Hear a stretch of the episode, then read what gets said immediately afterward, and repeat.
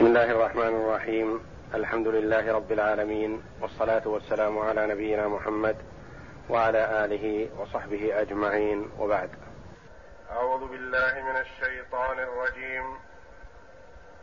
وإذا قرأت القرآن جعلنا بينك وبين الذين لا يؤمنون بالآخرة حجابا مستورا. وجعلنا على قلوبهم أكنة أن يفقهوه وفي آذانهم وقرا. وإذا ذكرت ربك في القرآن وحده ولوا على أدبارهم نفورا. يبين جل وعلا حالة المشركين حينما يسمعون قراءة النبي صلى الله عليه وسلم. وهو يقرأ القرآن. يقول تعالى وإذا قرأت القرآن جعلنا بينك وبين الذين لا يؤمنون بالآخرة حجابا مستورا.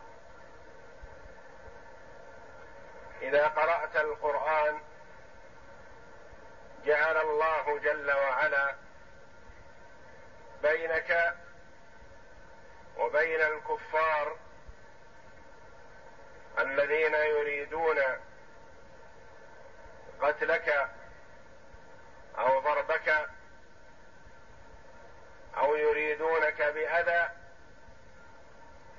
جعلنا بينك وبينهم بهذه القراءة حجابا ساترا لا يرونك.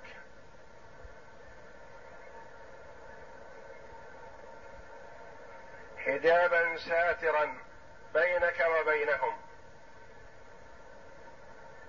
يأتي الآتي منهم. يريد النبي صلى الله عليه وسلم بأذى فيقف عليه فلا يراه.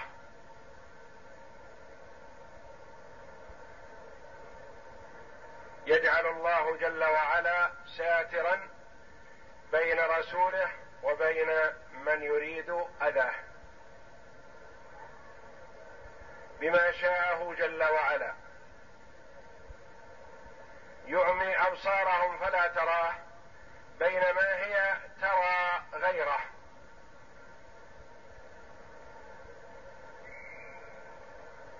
فلما نزلت سورة تبت يدا أبي لهب وتب. ما أغنى عنه ماله وما كسب. سيصلى نارا ذات لهب. وامرأته حمالة الحطب. في جيدها حبل من مسد. أقبلت العورة الخبيثة. امرأة أبي لهب وبيدها فحر أي حجر. فلما أقبلت قال أبو بكر رضي الله عنه مشفقا على النبي صلى الله عليه وسلم. إنها إن هذه العورة تريدك. معها حجر. فقال النبي صلى الله عليه وسلم إنها لن تراني. فجاءت اللعينة ووقفت عليهما وخاطبت أبا بكر وهي لا ترى النبي صلى الله عليه وسلم. قائلة يا أبا بكر إن صاحبك هجاني.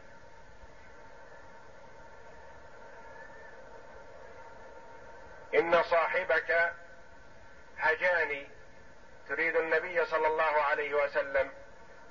فقال لا ورب هذا البيت ما هجاك؟ وهو صادق رضي الله عنه. لأن الرسول ما هجاها لا بشعر وإنما نزل القرآن بمقتها.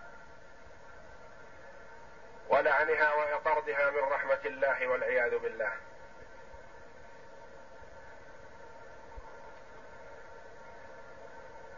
فأدبرت وهي تقول لقد علمت قريش أنني بنت سيدها.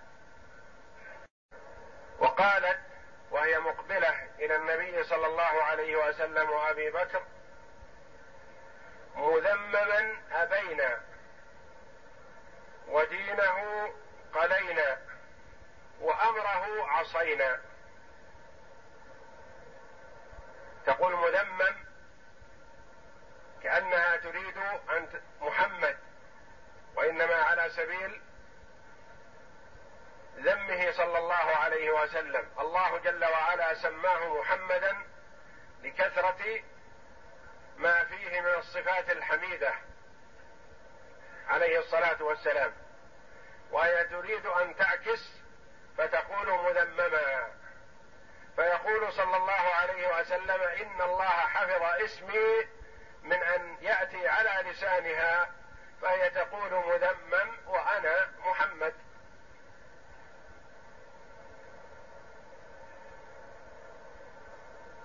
فهي وقفت على النبي صلى الله عليه وسلم ومعها الحجر العظيم ولم ترى النبي صلى الله عليه وسلم وخاطبت أبا بكر. وإذا قرأت القرآن فالقرآن حصن حصين للمؤمن من أعداء الله. وقد حصل هذا لكثير من السلف يقبل عليه العدو فيتحصن بالقرآن فيحميه الله جل وعلا. فهو له صلى الله عليه وسلم ولصالح أمته. وإذا قرأت القرآن جعلنا بينك وبين الذين لا يؤمنون بالآخرة من هم؟ الكفار. الذي لا يؤمن باليوم الآخر. ومن أنكر اليوم الآخر أنكر يوم القيامة كفر بالله العظيم وبرسوله صلى الله عليه وسلم لأنه كذب القرآن وكذب الرسول صلى الله عليه وسلم فهو كافر. يقول جل وعلا زعم الذين كفروا أن لن يبعثوا قل بلى وربي لتبعثن ثم لتنبؤن بما عملتم وذلك على الله يسير.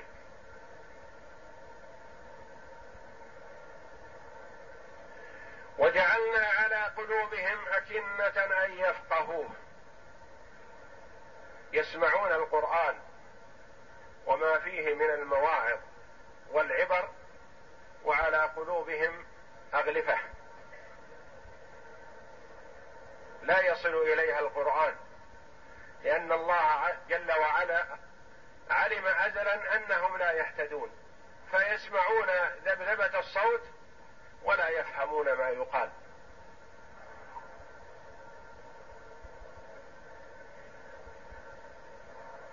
وإلا فمن وفق لفهم القرآن اهتدى واستقام.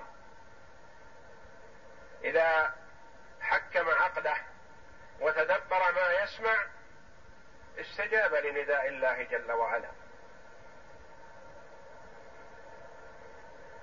وجعلنا على قلوبهم أكنة يعني غلاف أغلفة.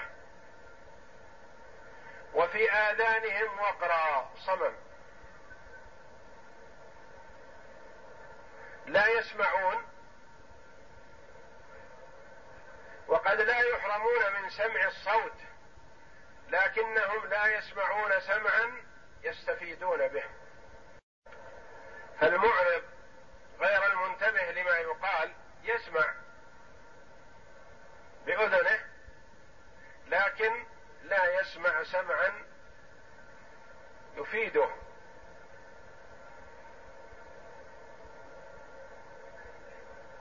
فهم يسمعون قراءة النبي صلى الله عليه وسلم ولكن لما اتصفوا به من الكبر والغطرسة وعدم قبول الحق وعدم الاستجابة لنبي الاستجابة لنداء النبي صلى الله عليه وسلم كانوا كأنهم لا يسمعون.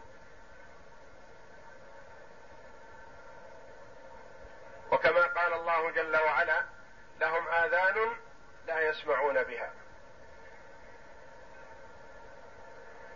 وفي آذانهم وقرا وإذا ذكرت ربك في القرآن وحده ولوا. وإذا ذكرت الله وحده لا شريك له عظمته وسبحته وكبرته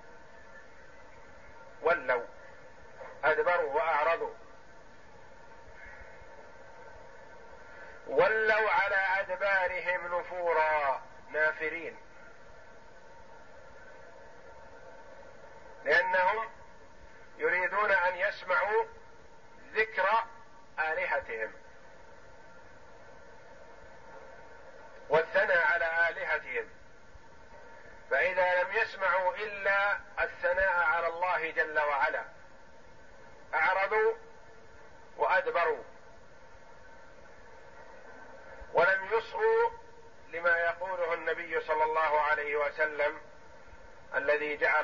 فيه الهداية لمن وفقه. وإذا ذكرت ربك في القرآن وحده ولوا على أدبارهم نفورا. فمن أعرض عن سماع وتدبر وتأمل كلام الله جل وعلا ففيه صفة من صفات أولئك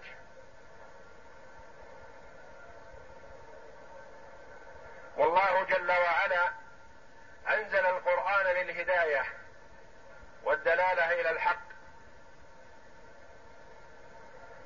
فمن تدبره وتأمله وأحضر فكره عند قراءته استفاد منه.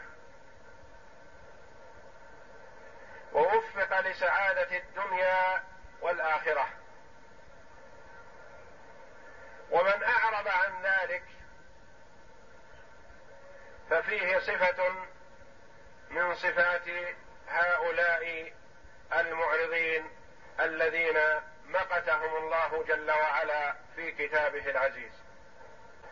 يقول الله جل وعلا نحن أعلم بما يستمعون به إذ يستمعون إليك وإذ هم نجوى.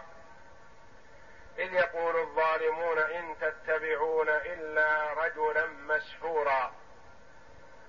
انظر كيف ضربوا لك الأمثال فضلوا فلا يستطيعون سبيلا.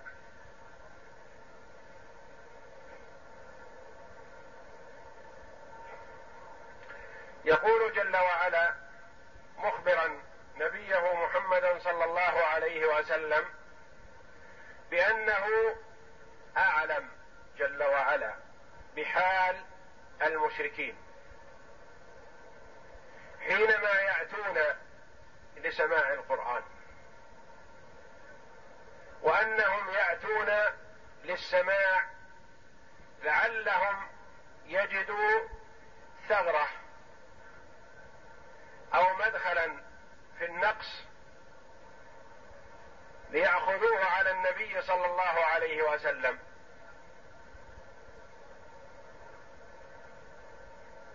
فهم يستمعون السماع من أجل الاستهزاء والسخرية بالرسول صلى الله عليه وسلم. لا يسمعون من أجل أن يستفيدوا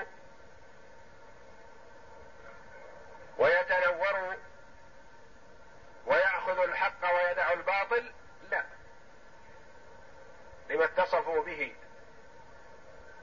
من الصفات الذميمة الكبر والغطرسة وغمط الناس واحتقارهم لا يستمعون من أجل أن يستفيدوا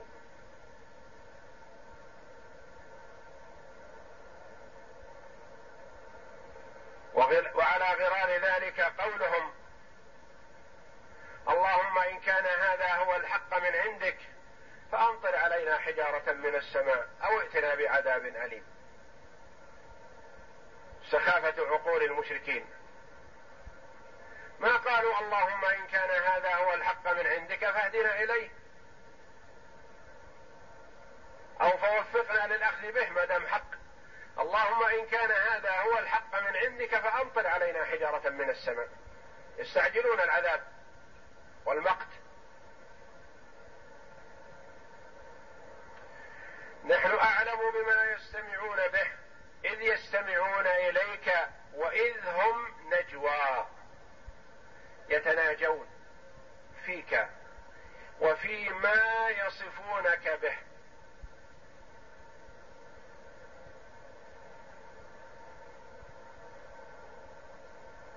إذ يقول الظالمون هؤلاء إن تتبعون ما تتبعون إلا رجلا مسحورا. أصابه السحر. يتناجون في النبي صلى الله عليه وسلم. مرة يقولون ساحر ومرة يقولون كاهن ومرة يقولون مجنون ومرة يقولون شاعر. فهم يتخبطون. وما اتصف به صلى الله عليه وسلم من صفات الكمال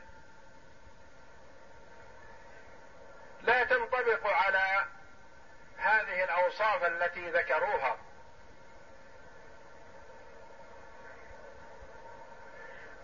وهم يعرفون في حقيقة الأمر أن كلامه صلى الله عليه وسلم كلام حق وكلام مستقيم. كلام لا يستطيع البشر أن يأتوا بمثله. لكنهم يقولون هذه الأقوال لصد الجهال عن اتباع الرسول صلى الله عليه وسلم. يريدون أن يمنعوا الجهال من متابعة النبي صلى الله عليه وسلم ورعاع الناس. لكن من وفقه الله جل وعلا للهداية لا يلتفت لقولهم.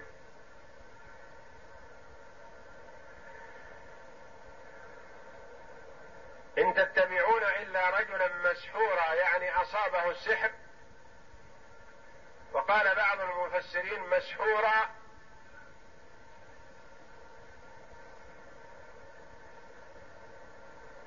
من السحر وهو الرئة. يعني إنسان مخلوق له رئة ويأكل ويشرب كما يأكل غيره ويشرب. وفي زعمهم وظنهم أن مثل هذا لا يطاع ولا يتبع. إلا لو كان ملك. وقد نقل وقد نقل محمد بن إسحاق في كتابه السيرة النبوية أن أبا سفيان بن حرب وأبا جهل بن هشام والأخنس بن شريق. جاء كل واحد منهم ليلا ليسمع قراءة النبي صلى الله عليه وسلم. وكل واحد مختف عن الآخر. فسمعوا القراءة حتى انتهى النبي صلى الله عليه وسلم من قراءته آخر الليل فانصرفوا إلى بيوتهم فجمعهم الطريق. فعرف بعضهم ما أراد بعض فقالوا ما لكم جئتم؟ إن مجيئنا هذا يغر الجهال والناس ويجعلهم يتبعون محمد. وربما إذا جاءوا وسمعوا مثل ما سمعنا قبلوا منه. فتعاهدوا فيما بينهم أن لا يعودوا. فلما كان من الليلة الثانية جاء كل واحد منهم يظن أن أن صاحبيه لن يعودا. فلما سمعوا وكان في آخر الليل وانتهى النبي صلى الله عليه وسلم من قراءته قبيل الفجر انصرفوا فجمعتهم الطريق. فقالوا ألم نتعاهد من الأمس؟ فتعاهدوا من جديد المرة الثانية. فلما كان من الليل جاء كل واحد منهم ظانا أن صاحبيه سيأخذان بالعهد ولن يحضرا. فجمعتهم الطريق.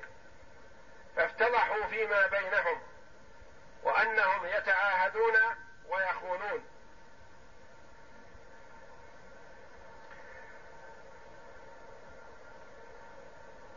فقال بعضهم لبعض لا نبرح حتى نتعاهد لا نعود. فتعاهدوا على ذلك ثم تفرقوا. فلما أصبح الأخنس ابن شريق أخذ عصاه ثم خرج حتى أتى أبا سفيان ابن حرب في بيته. فقال أخبرني يا أبا حنظلة عن رأيك فيما سمعت؟ يعني أنت سمعت البارحة وأنا سمعت قراءة النبي صلى الله عليه وسلم. فيما سمعت من محمد قال يا أبا ثعلبة والله لقد سمعت أشياء أعرفها وأعرف ما يراد بها وسمعت أشياء ما عرفت معناها. كتم الحق وجحد. ولم يعمم بأنه ما سمع شيئا نافعا قال سمعت شيئا أعرفه.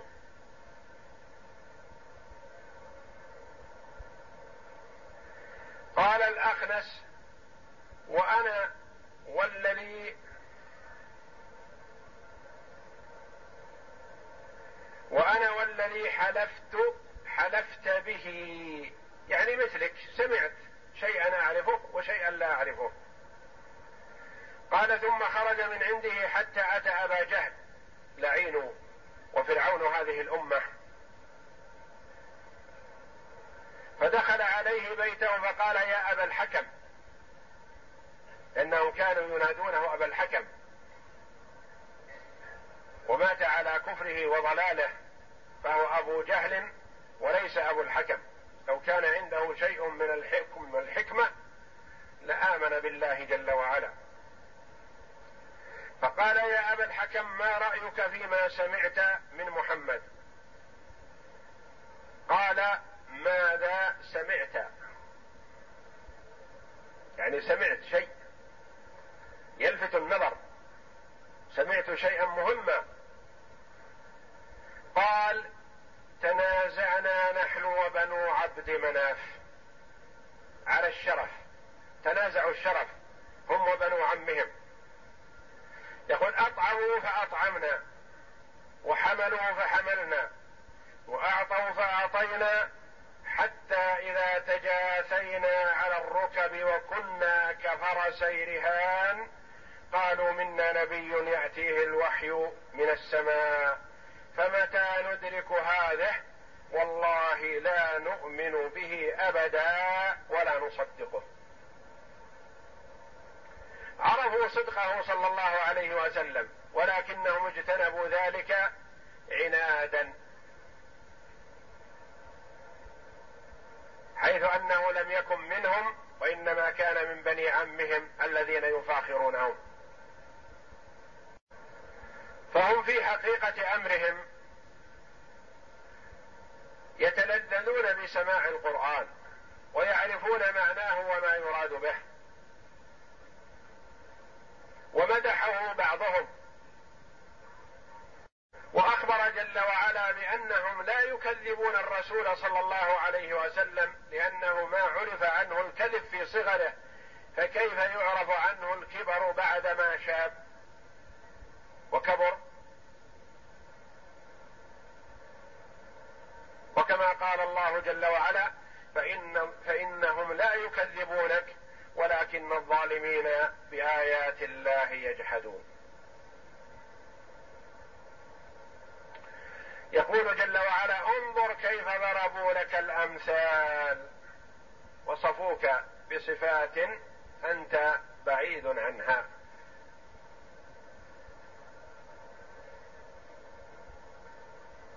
فظلوا ما اهتدوا إلى الصواب.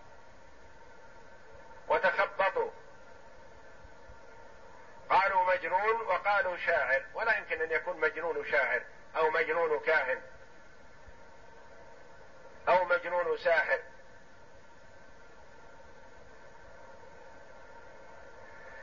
فلا يستطيعون الوصول إلى الحق لأن الله جل وعلا أعمى بصائرهم. يعلم جل وعلا ازلا أنهم لا يؤمنون.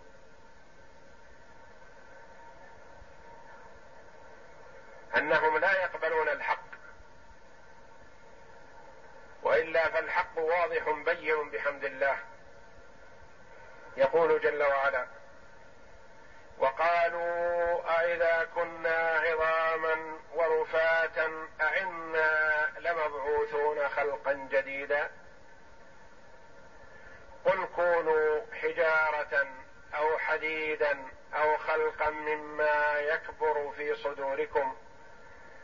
فسيقولون من يعيدنا؟ قل الذي فطركم أول مرة. فسينغضون إليك رؤوسهم ويقولون متى هو؟ قل عسى أن يكون قريبا. يوم يدعوكم فتستجيبون بحمده. وتظنون إن لبثتم إلا قليلا. الآيات السابقة في تكذيبهم بالقرآن وهذه الآيات في تكذيبهم بالبعث فهم يستبعدون البعث وينكرونه وقالوا أإذا كنا عظاما بالية ورفاتا ترابا أو فتاتا عظام متفتتة أو غبارا ترابا أو غبارا أو فتاتا. إذا صرنا على هذه الحال وهذه الصفة أئنا لمبعوثون خلقا جديدا؟ استفهام إنكار. واستبعاد للبعث. إذا كنا على هذه الصفة هل يعقل أن تجتمع الأوصال وتتراكب العظام وينبت اللحم وينفخ فيها الروح مرة ثانية وهي أصبحت من دقتها كالغبار؟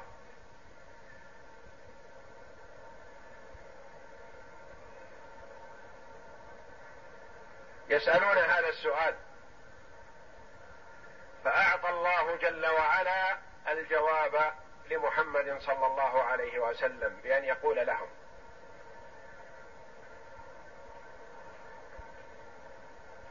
إذا كنتم عظاما أو رفاتا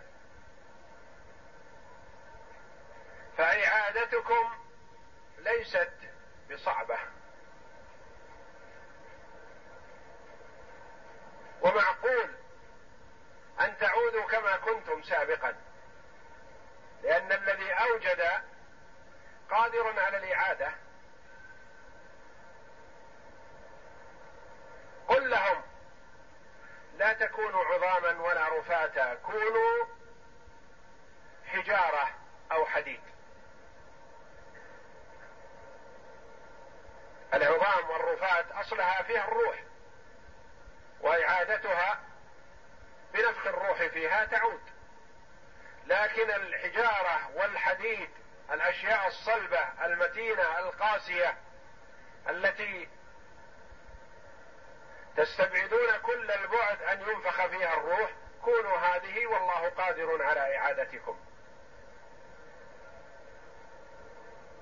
كونوا حجارة أو حديدا تعجيز.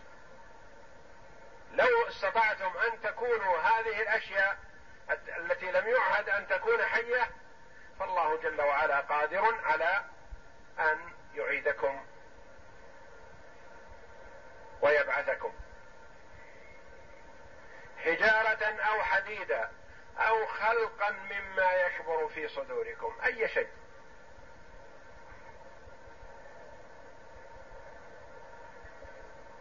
السماوات والأرض. قال بعض المفسرين خلقا مما يكبر في صدوركم الموت. لو كنتم أنتم الموت نفسه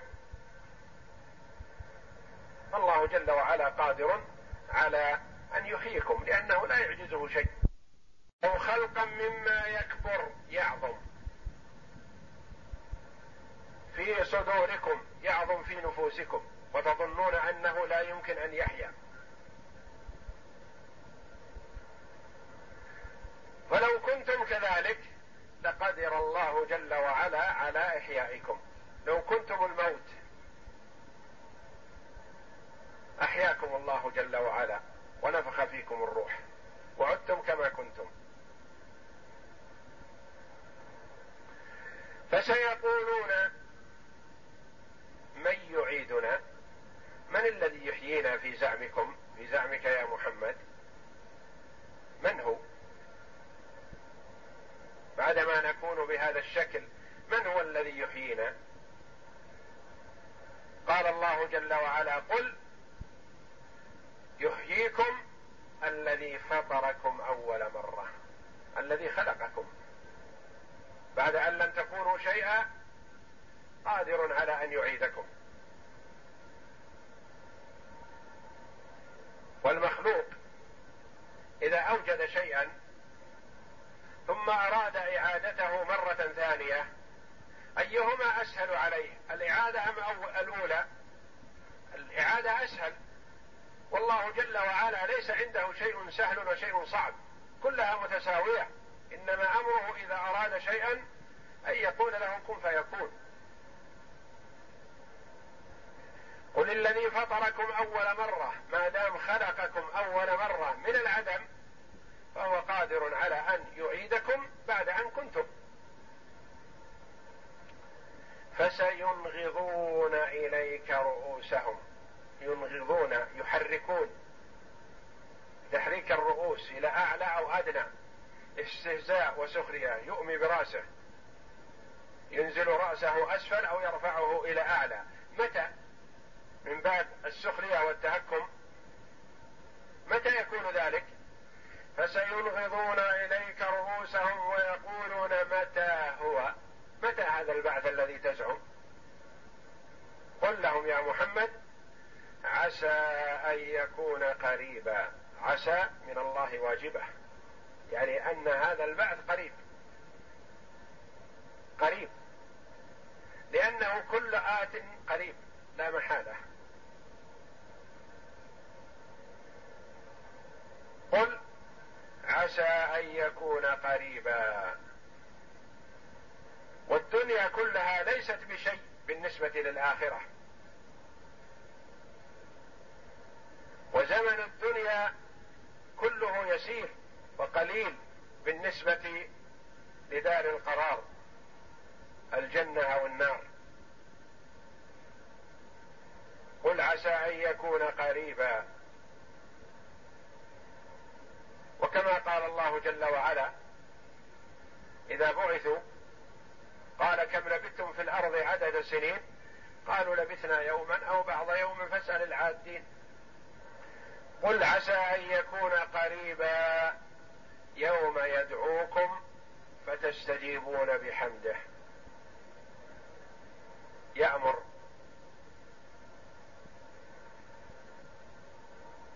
إسرافيل فينادي فيقوم الخلائق لرب العالمين جل وعلا. يوم يدعوكم بأمره أو على لسان إسرافيل. فتستجيبون. ما أحد يستطيع أن يمتنع أو أن يتلكى أو أن يتأخر. يوم يدعوكم فتستجيبون بحمده. تستجيبون حامدين له. قيل الحامدون له المؤمنون لأنهم ينهضون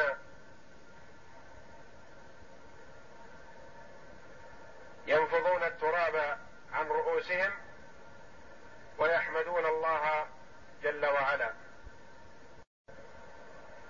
أو الحمد من الجميع لانهم يظنون ان حمدهم هذا سينفعهم ولن ينفعهم.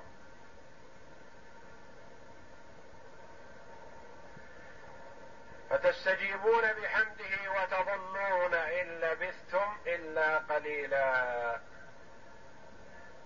كأنهم يوم يرونها القيامة. لم يلبثوا إلا عشية أو ضحاها. لم يلبثوا في قبورهم الذين ماتوا في أول الدنيا حينما يبعثهم الله يظنون أنهم لم يلبثوا إلا عشية أو ضحاها. مساء يوم أو صباحه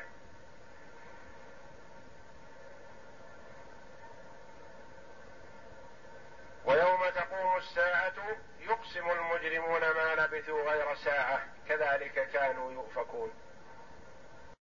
وهو جل وعلا المحمود على كل حال. فتستجيبون بحمده وتظنون إن لبثتم إلا قليلا. فأمر البعث سهل ميسور على الله جل وعلا وهو محقق لا محالة.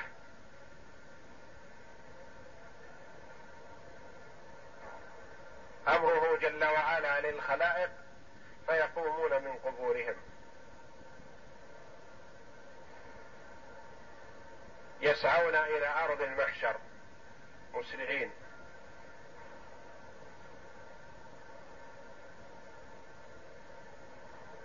وقد جاء في الحديث ليس على أهل لا إله إلا الله وحشه في قبورهم. كأني بأهل لا إله إلا الله يقومون من قبورهم ينفضون التراب عن رؤوسهم يقولون لا إله إلا الله. وفي رواية يقولون الحمد لله الذي أذهب عنا الحزن. أهل لا إله إلا الله الذين حققوا التوحيد وعبدوا الله جل وعلا وحده. اعترفوا بوحدانيته. وحققوا أنواع التوحيد الثلاثة توحيد الربوبية وتوحيد الألوهية وتوحيد الأسماء والصفات. يقومون من قبورهم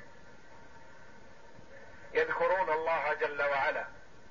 ليسوا مستوحشين لأنهم مبشرون بمنازلهم الطيبة حينما وضعوا في قبورهم.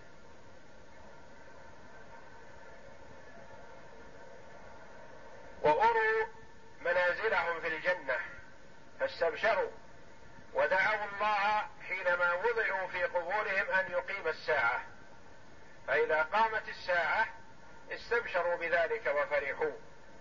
كما قال الله جل وعلا إن الذين قالوا ربنا الله ثم استقاموا قالوا ربنا الله ثم استقاموا على ذلك. ما بدلوا وما حرفوا وما زادوا وما نقصوا. اخذوا بسنة رسول الله صلى الله عليه وسلم قولا وعملا واعتقادا. إن الذين قالوا ربنا الله ثم استقاموا تتنزل عليهم الملائكة ألا تخافوا ولا تحزنوا وأبشروا بالجنة التي كنتم توعدون. هذا في حالة الاحتضار. عندما يحتضر يبشر. لا تخف مما أمامك. ولا تحزن على ما خلفت. ما خلفت من ذرية الله وليهم. ولا تخف مما أمامك أمامك البشرى والسعادة. الا تخافوا ولا تحزنوا وأبشروا بالجنة التي كنتم توعدون. نحن أولياؤكم تقول لهم الملائكة. نحن أولياؤكم في الدنيا نحن أولياؤكم. نحن أولياؤكم في الحياة الدنيا وفي الآخرة. ولكم فيها ما تشتهي أنفسكم في الآخرة. ولكم فيها ما تشتهي أنفسكم ولكم فيها ما تدعون. نزلا ضيافة. نزلا من غفور رحيم. بشارة عظيمة. وأولئك والعياذ بالله الكفار يضربون وجوههم وأدبارهم الملائكة.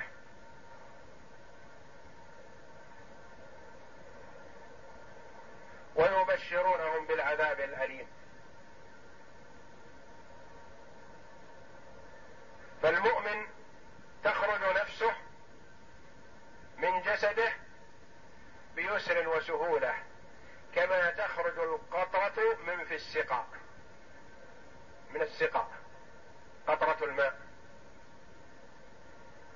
والكافر والفاجر والمنافق والعياذ بالله إذا بشر بالعذاب الأليم تفرقت روحه في جسده فتنزع كما ينزع السفود من الصوف المبلول بشدة وقسوة وغلظة. والسفود هو الشوكة ذات الشعب المتعددة الكثيرة في الصوف المبلول لأنه إذا كان صوف يابس فخروجها منه أسهل. والله جل وعلا بين طريق السعادة وبين طريق الشقاوة. ووهب العباد العقول والأفكار والسمع والبصر. وأرسل الرسل وأنزل الكتب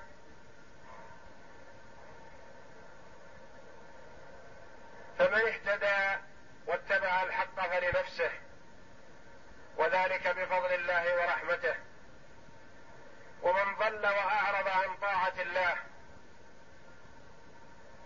وحاد عن الصراط المستقيم واستخف بأمر الله وأمر رسوله صلى الله عليه وسلم فلا يلومن إلا نفسه. هو ما ضر الله شيئا وإنما ضر نفسه. فهو الذي أعرض عن طاعة الله بعدما قامت عليه الحجة.